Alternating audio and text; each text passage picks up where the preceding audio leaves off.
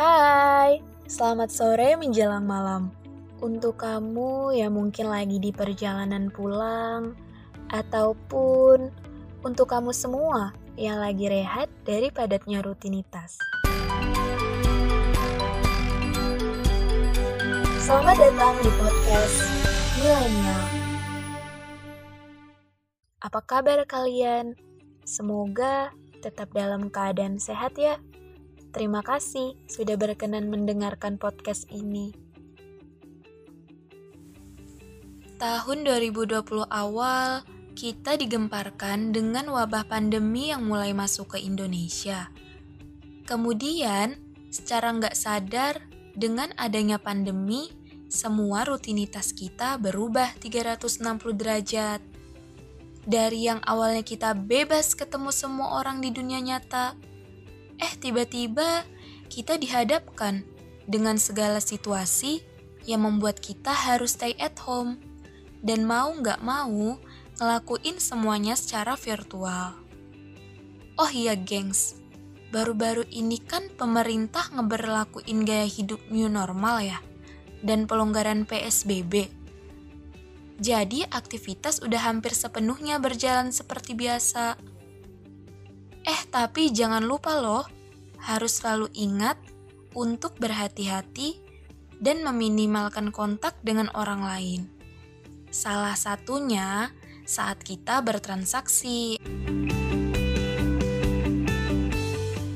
Sangat disarankan banget untuk melakukan pembayaran dengan media digital atau non-tunai. Mengingat uang juga merupakan media penyebaran virus corona loh. Tapi kan susah tuh. Terkadang merchant ataupun coffee shop yang kita kunjungi gak nyediain metode pembayaran yang sesuai dengan aplikasi kita.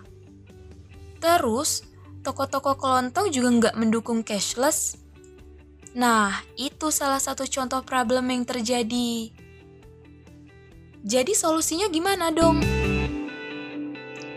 Jadi tuh gini guys, sebenarnya di bulan Agustus tahun 2019 lalu, Bank Indonesia tuh udah ngeluarin yang namanya KRIS dan sedang gencar-gencarnya nih disosialisasiin.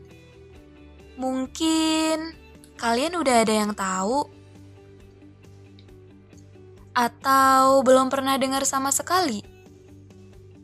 Nah, terus apa sih itu KRIS?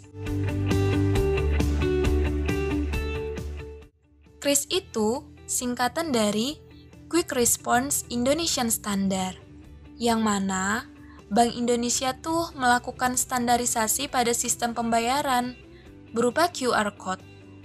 Dengan adanya standarisasi ini, penyelenggara QR Code bisa saling terhubung dan sistem pembayaran pun bisa lebih efisien. Bye-bye deh tuh galau-galau ketika mau bayar. Belanja jadi happy dan don't worry, karena dengan satu kris untuk berbagai aplikasi pembayaran. Oh iya, selain cepat dan efisien, masih banyak loh manfaat lain dari kris, baik untuk pengguna ataupun merchant.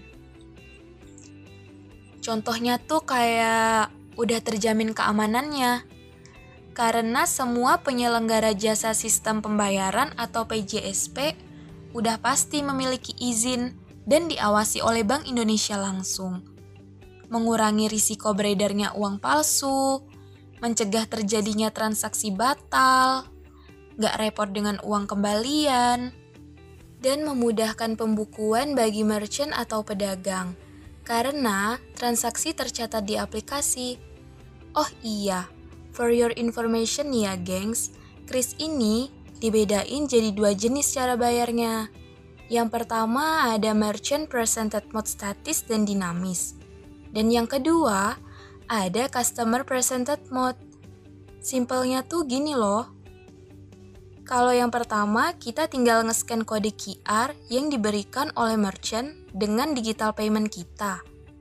Kemudian, kalau yang customer presented mode, itu kita tinggal nunjukin aja kode QR yang ada di aplikasi digital payment kita.